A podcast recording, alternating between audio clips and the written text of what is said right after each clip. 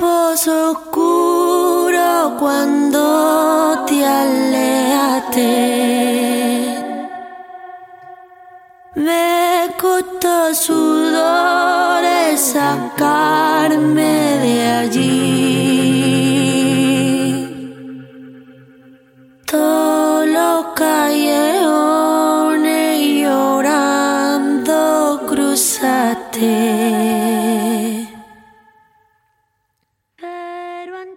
Erresilientzia. Aipatzeko lanak ematen dituen hitza. bai. Eta, bueno, kontzeptu bezala oso interesgarria den kontzeptua. Horren inguruan hitz egin nahi digutunak, eta egia hor badagoela i letra bat, pixkat sartzen dela gogor. Bai. Erresilientzia hori, i hori ez? Bai, nik uste dut, Jendeak eh, erresilientzia, resilientzia, nastu egiten, nastu egiten dugune.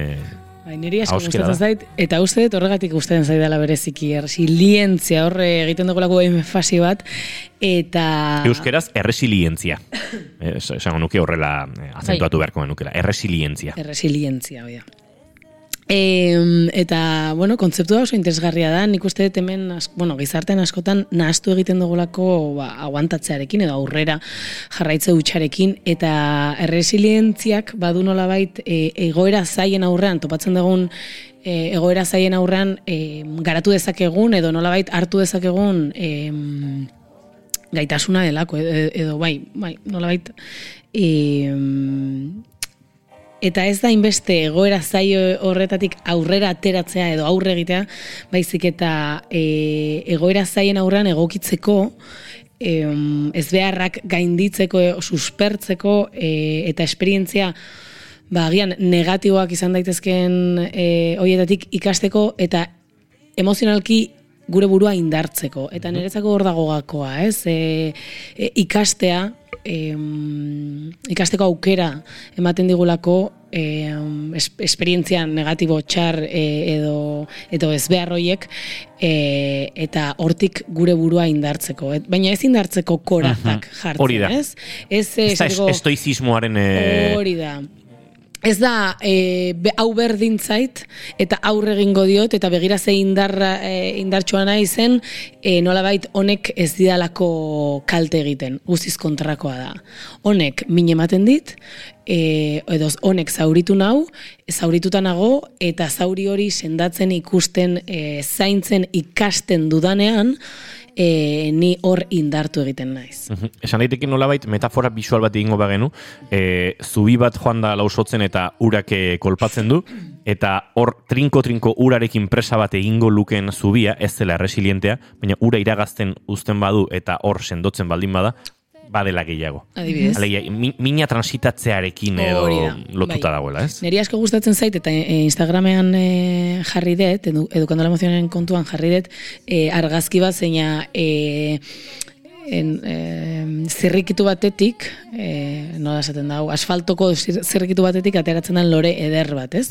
Edo, bueno, ederra kontzeptuala da, eta bakoitza edertasuna ikusten du edo non, ez? Baina, baina bai, lore bat, e, ba, agian hor e, atera ez, e, atera beharko ez litzakena. E, edo beste irudi bat etortzen zait neri burura, ba, landare batek ez duenean jasotzen, zuzenean argia nola bilatzen duen argi hori, ez? Eta nola hor moldatu egiten den, eta bere gaitasunetetik kanpo, beste gaitasun indartsuagoak ateratzen dituen behar dun hori lortzeko. Eta hori da pixkat e, erresilientziak gren kontzeptuak ekartzen diguna. Askotan, mm, bizitzan nastu egin dezakegu, dezakeguna, ba hori, e, aurrera jotzearekin, e, aurrera egitearekin, eta nola baitor e, ikasketa bat ematen ez denarekin. Eta hori da, ba, pixkat e, ezberdintasuna, ez? Errentzile, erresilien, e, eske hitze...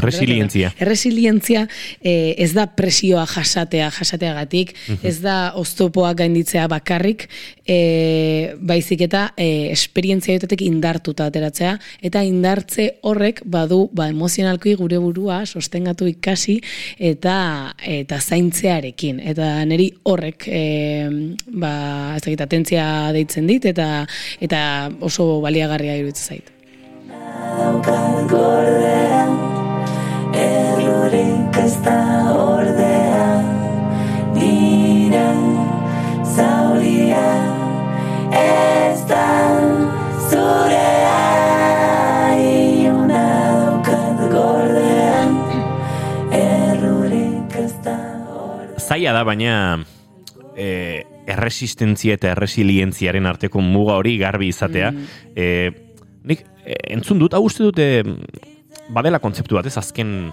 ospasei urtetan bere biziko, bueno, pixkate ezagutza edo Bai. hartu duena, e, pixkate presenteago dagoena gure diskursoetan, ez ikaragarri, baina hor dago. E, eta inoiz nik entzun dut, bai, ni, ni oso pertsona erresilientia naiz. Eta esan dut, pentsatzen dut, bueno, baliteke baietz, baina jo, garbi-garbi ote daukagu ez zer den erresilientzia hori, e, erreparatu aldituzu zauriak, eta zauri horiek sendatuta ote daude, edo hor daude, e, benda bat jarrita hemendik urte batzutara min ematen jarraitzeko prest, Eh, ez dakit, igual interesgarria da erresilientziaren kontzeptuan ondo murgildu eta ondo ulertzea zertaz ari garen, ez dona? Bai, ze hori ere jakitea zaila da.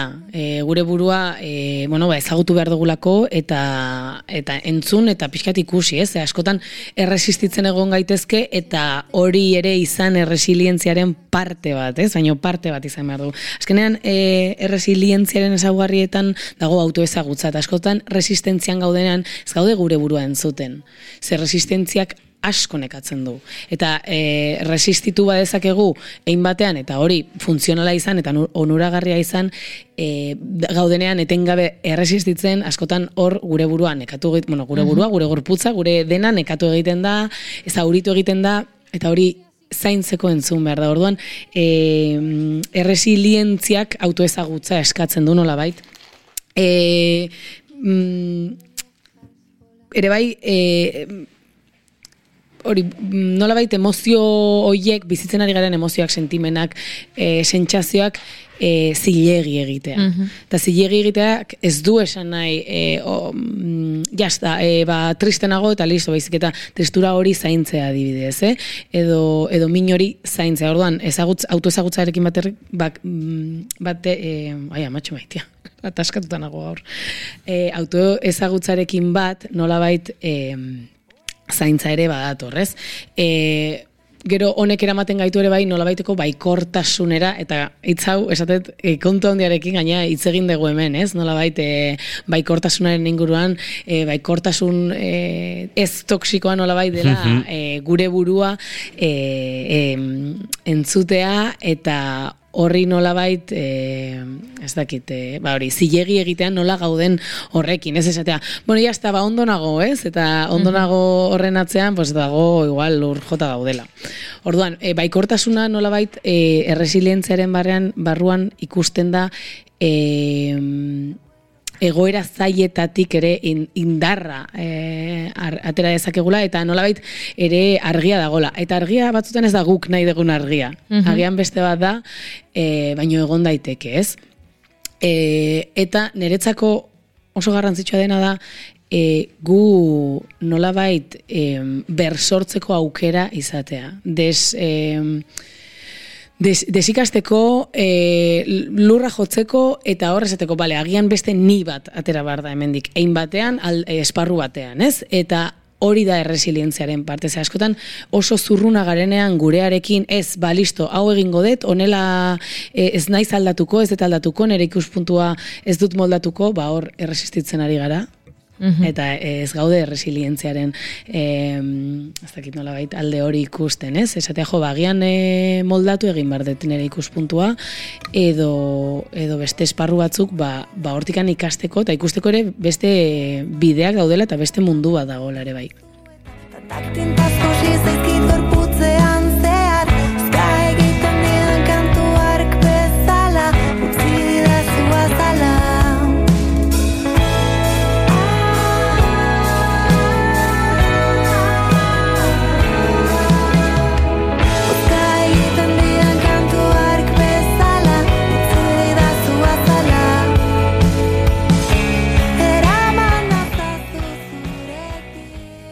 Zuek, bai, dituzue esperientzia resilienteak? Edo horrela katalogatuko zenituzken esperientzia batzuk? Zaiena niretzako da lehenik aldarrikatzen nuen muga hori ondo identifikazia zuregan, ez? E, ba, esango nuke uste dut iraganean ez ez eta orain aldian baietz, eta hitz egingo dut e, suizidioari buruz. E, nik emeretzi urten nituela, e, karrerako bigarren kurtsuan, nire bikote zenaren e, anaiak buruaz beste egin zuen. Amair urte zituela eta oso gorra izan zen kudeatzeko denontzat, e, nire bikote zenarentzat, ni baino pare bat urte gaztegoa zen, haren familiarentzat, nire ere hor, ez dakit, indargune egitearen, e, ez dakit, pixka batzutan ere gaizki ulertzen dugun e, toki hori egokitu zitzaidan, eta eta nik oso gaizki pasa nuen, baino inoretzegoen kezkatu egin igandik, nigatik. E, gaur egun igual e, argiago daukagu ez zaintzaia nork zaintzen duen, haren kontzeptu hori, baina duela ia hogei urte, hau ez zegoen hain e, garbi eta suizidioaren inguruan ere, kaso gutxiago genekien edo lanketa gutxiago eginda zeuden, ez? Eta nik gogoan dut gaizkilo egiten nuela, bisioak nituela, e, horrelako eriotz bortitz baten eta ulertu nahi horretan oso gaizki pasa nuela, baina ura igaro zen, eta ba, handik amabi, amairu, amala urtetara behin bileratxo bat izan nuen eh, ezagun batekin, haren anaiak buruaz beste egin zuen eta bera hortze bilen pentsatzen.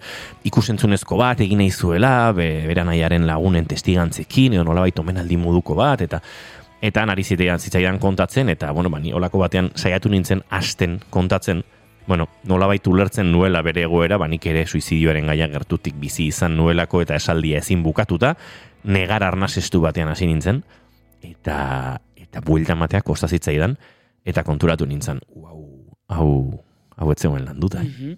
hau bai horre lehen hori aipatu dudan ez e, bai benda bat e, partxe bat jarri duzuni e, ala egokitu zen e, momentu hartan ba lehentasuna ez ote zinenzu ez omen zinenzu eta orduan ba hor pixkat geratu zen besteen zaintzan e, murgilduta gaia eta Eta orduan hasi nintzen, pixka bat e, ura lantzen. E, duela bi urte inoiz irratian kontatu dut, nire gertuko lagun bat, kuadriako lagun batek buruaz beste egin zuen, eta sentsazioa daukat min hori beste modu batera transitatu dudala, beste modu batera igaro dudala. E, ez dute pixkat modan dauden esaldi horietako bat erabiliko, ez dute esango e, indartsuago atera gara hortik eta horrelako mierdarik, baina egia da indartsuago atera naizela ontatik duela hogei urte e, jasandako antzeko egoera mingarri eta batez ere ulertzen zaia zeigun hortatik, ez, eriotz guztiak dira mingarriak gertu badituzu, baina eriotza beste pertsona batek aukeratzen duenean, uste dut orainik hori ulertzea gehiago kostatzen zaigula, eta eta niri asko lagundu didala lagun hau ez epaitzen, e, haren erabakia nola baite ulertu, eta eta nire egin nahian, eta, bueno, ba, respetatzen, ez, e, hau horrela izan bada, ba, bai, ba, ba, ba, mierda bada, baina, baina horrela da, eta, bueno, beste, beste modu batera igaro dut, mina sortzen du, baina esango nuke egoera hau resilienteagoa izan dela e, duela goi urte bizitako, bizitako ura baino bai. Bai, oso interesgarria da hori ez, e, nola momentu bakoitzean gauden e, ditugun gaitasunekin egiten dugu aldeguna, ez? e, horregatik askotan, eta nik uste gizarte hontan oso asko baloratu izan dela eta baloratzen da e, oraindik ere e, egoera zaien aurrean nola baiteko hori e, armadura bat jartzea eta benga aurre egin behar diogu eta eta eta aurrera goaz e, listo, ez? Mina entzun gabe, barruan dugun hori entzun gabe eta e, ba, zure kasuan e, asensio hor argi ikusten da nola e, aurre egitean, ba bai, e, bizitzarekin aurre egin behar da batzutan eta eta ederra da, baina gero zauri hori ikus, ikutzen dugunean berriz ere, ba ikus dezakegu hor landu gabe dagola edo zaindu gabe dagola eta ba agian e, orain dela bi urteko zure gaitasun horiekin ba beste era batera trantsitatu zenuen zuk esaten zuen bezala min hori nolabait e, ikusten ulertzen eta zaintzen barruan e, zenun guzti hori. Isiune hau zaintzen Ta orain hemen Isiune hau zaintzen Enuen jakin hobeto egiten Orain digogoan du nola utzi nintzen Nola utzi nintzen Zuk june, ez dakitolako esperientziaren bat e, dezun? E, nik bai, bueno, hain bueltakan ebilela horrekin ere, e, bueno, ez da, bueno, nik ere bizitu nuen e, suizidio bat nire adineko e, lagun batekin, eta euki nuen tartetxo bat nik, ba, nire dolua edo pasatzeko, baina egia da ere azkar pasa behar izan nuela, ba, nire oso gertoko pertsonaten lehengusina zelako. Eta kosta zitzaigun, ba, pertsona honek bere buruaz beste egin zuen toki batetik salto eginez, baina toki hori, ba, egunerokotasun batean e, ez dugu pasatzen, baina bai gertu dago.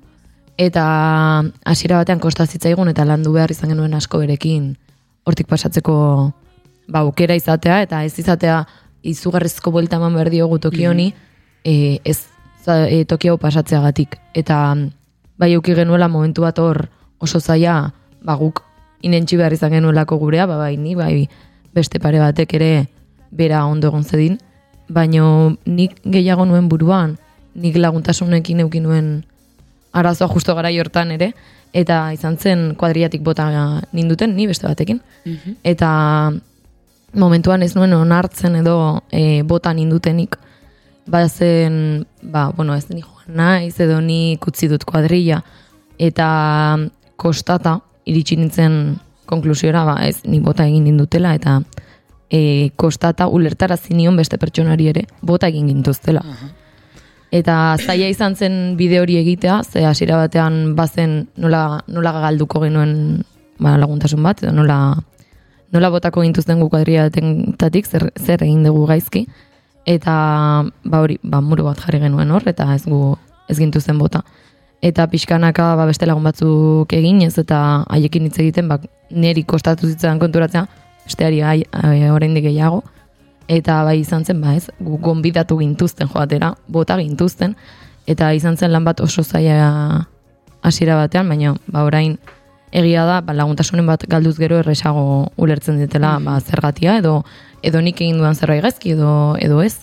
Eta ba, mo- momentuan ez genuen ezer gaizki egin guk, ez genuen behaiekin ba, bat egiten, eta egia da, ba, hortik aurrera ni oso pozik nagoela bota gintuztelako, eta izan da konklusio batea kosta zitzaidan ulertzea eskerrak bota egin dutela hortik, baina, baina bai momentuan oso zaila izan zen bizitzeko.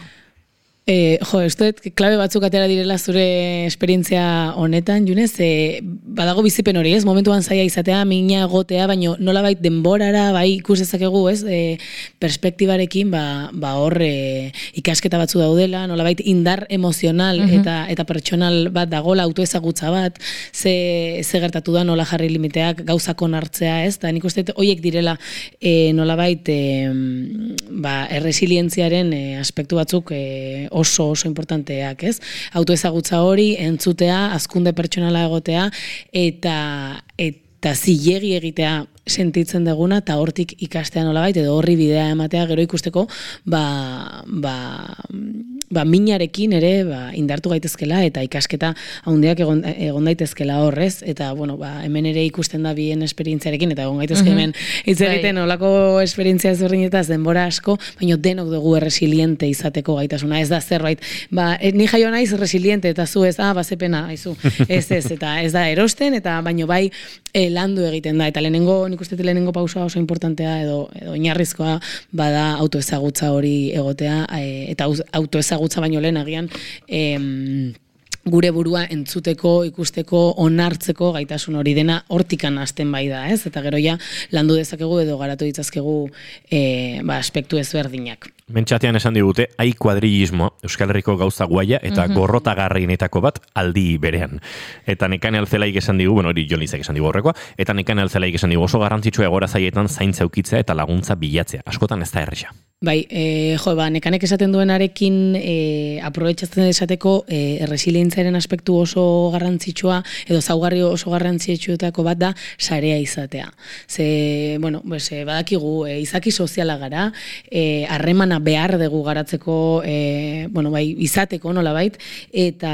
mm, Eta oso, oso beharrezkoa da, ba, ez sare dugun hor, eta sare hori nolakoa den, eta guri nola laguntzen digun, nola zaintzen gaituen, eta nola bidean e, laguntzen gaituen, ez? E, baldin badakagu sare bat, zeina presio hori, edo gain jartze hori, areagozten digu, venga, animo aurrera, venga, zakize, eta ez digun galdetzen maitia nola zauden, eta tarte hori ematen askotan arnas hartzeko, Ez, hori onartzen epaiketari gabe, ba, horrek eh, beti asko laguntzen du olako sarea izatea, eta besteak ba, zaildu egiten du gure prozesua. Gauza batzuk ikasi ditugu azken eh, urteetan, eh, asko dona zurekin, eh, beste asko pixkat lehen aipatu duan bezala gure testu inguru sozialetan gero eta jakituria emozional eh, gehiago dagoelako, edo bueno, bintzat pixka bat gehiago esango nuke. Ez da asko, baino gauzatxo batzuk bintzat, ez? Ari gara. Eta orduan, jo, ba, hori ez, eh, ez zaite triste egon e, esaldiak ez duela lekurik, ez duela zentzurik, e, edo e, aurrera, aurrera, eta, bueno, aurrera ez, zuk diozuna ez, e, ez, ez emu zaude, e, ze behar dezu, e, nola zaude, eta noiz eta nola egingo duzun aurrera, joango zara laguntzarekin topatzen, baino ez, hor, bide lagun izate hortan ere, bueno, gauzatxo txiki batzu behintzat ikasi ditugula, ez dakit beti ikasi ditugun, oraindik egongo da e, bizkarrean hola bi golpeman, eta, bea, mote, eta aurrea, eta Baita, batzutan behar dugu ere, bai. baita ere. Batzutan niri asko laguntzen dizen, eh? batzutan oso sakonerako pertsona naiz, eta sartzen naiz barruan, eta emozioak, eta nola nagoen, eta sentimenak, eta batzutan ditu Aplastekoa ere behar da. bai, ni batzutan ditu lagunak esaten dira, bale, dona, jazta, negarrein sentitu eta aurrea, eta batzutan da, ostras, egia da, aztu gabe aurrera egite hori, orduan oreka bat dago horre, sentitu, e, denbora eman, zaintza eman, bidea eman, eta laguntza eman, eta eta aurrea bakoitzaren erritmoan egitearen arteko e, oreka hori, ez? E, e, entzuten eta ibiltzen da, pixkate biak. Em, Eta hau aipatuta, gustatuko litzaidake ere e, pixkat nolabait e, e, azaltzea zeintzuk diran e, ba, erresilientzia hori e, garatzeko egin, egin dezakeguna edo bueno, pues, aspektu batzuk, ez? E, nola garatu dezakegun erresilientzia hori, ez de, bi minututxo baldin ditugu, ba, ba botako ditut kontzeptu batzuk, ze nola denak izan gaitezke e, erresiliente, ba, ere jar dezakegu arreta hor. E, esan dugun bezala, e, autokontzientzia hori ba, lantzen e, asko garatzen da erresilientzia, nolabait gure burua, gure barrua, gure emozioak ezagutu eta ulertu. Eta onartu dagoena dago eta eta ederra da e, ala, mina badago, mina dago, plazera badago, plazera dago. Baina nolabait e, entzun eta zilegi egin, eta horretarako asko laguntzen du, esaten ari ginen bezala, ba, ondoan izatean norbait zein agian e, bi minutuko espazio ematen digun esateko, ei, nola zaude, eta hor, puf, egiten dugu pixkate, bale, onela nago, eta hor, ba, pixkate mm, derramarik gabe, baino entzuketarekin, ba, pixkate horri tokia eman. E, harreman e, osasuntxuak eta funtzionalak sustatzea, nola baite mina ematen digun horretatik ere, ba, ba oraintxe bertan ez dut behar norbait esaten diana, benga, animo aurrera, edo hortan ez pentsatu, baizik eta behar dut norbait, zeina esaten diana, benga, dona, ba, ze behar dezu, zurekin nago, e, idea zen edo deitzen- deitzen diana, bi egunetik behin, ba, pixkat, ere tartea eman ez eta batzutan horrek ere dolua eskatzen du, nostra, orain e, ba, laguna ontatik, ontatik e, ies edo alde egin behar dut, eta bestera em, besteruntz jun, ba, pixkate horrek ere mugitzen gaitu, baina hor, e, behar dugun hori ere bai, e, ba, nolabait gure buruari eskaintzea e, laguntzen du erresilientzia hori garatzen. E, komunikatzea, nola gauden ze behar dugun asko e, laguntzen du, bai besteari eta bai gure buruari ere bai, ez? E, hori esatea, ei, dona, behar dezu gelditu, behar dezu e, arnastu, behar dezu korrika egin, bueno, dena delakoa, ez? E, erresilientziarekin nola badu, badan egoera zaietatik ikastea eta nolabait e, hoietatik ere e, gutxinaka e, ateratzea, ba, e, helburu errealistak jartzea, ez? Venga, e, ostra, nijoa, imaginatu, nijoa aste bete etxetik et, e, irten gabe, ezin dut irten. Ba, urrengo egunean e, ez diot nire buruari esango, venga, bihar aterako naiz, e, ordubeteko buelta bat e, ematea. Ez, ba, agian helburu Edo San Sebastianetara joango naiz, eh, Hori da, da. Hori da. E, agian helburu errealista da, bueno, ba, dutxatu egingo naiz. Edo kaleko arropa jantzikoet eta sofan eseriko naiz. Edo lagun bati WhatsApp bat bidaliko diot, edo balkoira aterako naiz arna sartzea, ez? Helburu txikiak eta realistak jartzea bakoitzari, ze bestela hor e, erruan sartzen gea, ez, ezin dut, e, ezingo dut inoiz, eta, bueno, pixkate buklean sartzen gea e, malgutasunarekin e, pues, hartzea bizitza ere, bai, uh nolabait, alden einean. E, eta hori, e, bai, sare, sarea e, egokitzea gure beharredei, eta zintzotasuna eta zaintza esango nuke badirela erresilientzaren ba, aspektu e, importanteak, eta hau garatzen laguntzen diguten e, ba, abeleziak ere bai. Mhm. Ez da ipatu duzun akaso bai, baina e, laguntza eskatzen jakitea, batutan ez da bakarrik e, emozioterapeuta baten gana, edo aditu baten gana jotzea. E, laguntza eskatzen jakitea bada lagunari esatea mierda inda nago. Hoi da, Mhm. bai, bai. Edo besarka behar dut, edo ez ditut behar hitz hoiek. Eta lagunari eskatzea eta gure buruari eskatzea. Ze gure askotan guk gure buruarekin gera laguntza gutxien eskaintzen diogunak, batzutan beste batzuen ez, eh? eta laguntza eskatzen dugu kanpoan, baina gu gero etxeagoa zenean eta gaudenean gure e, pentsamenduekin hor pentsamenduetan dago hainbesteko mierda, zeina e, kontu zibili bar geran. E, ze bai, kanpotik jasotzen ditugu hitz eta laguntza ederra, baina gero barruan batzutan e, mina handia egiten diogu gure buruari, batzutan, ez? Eta hor ere bai esatea, ostra, zerk laguntzen dit ni pentsatzeak edo nire barruan egotea eta hori ere bai ba, kontuan hartzea eta eta hori zaintzea eta garatzea. Mhm. Ba, dona peianiz, eh, nieto, plazer bat izan da, Nire erresilientziaren inguruan zurekin eh, aritzea, ikasi dugu ondo oskatzen eta eta zertxo bai gehiago erresilientziaren eh, inguruan, eh, bi aste barru, oker eh, ezpa naiz, hemen ari naiz eh, ikusten, bai, otxaiaren hasieran Bai, edo, elkar ikusiko dugu berriro. Hala da. Zaindu asko. Berdin.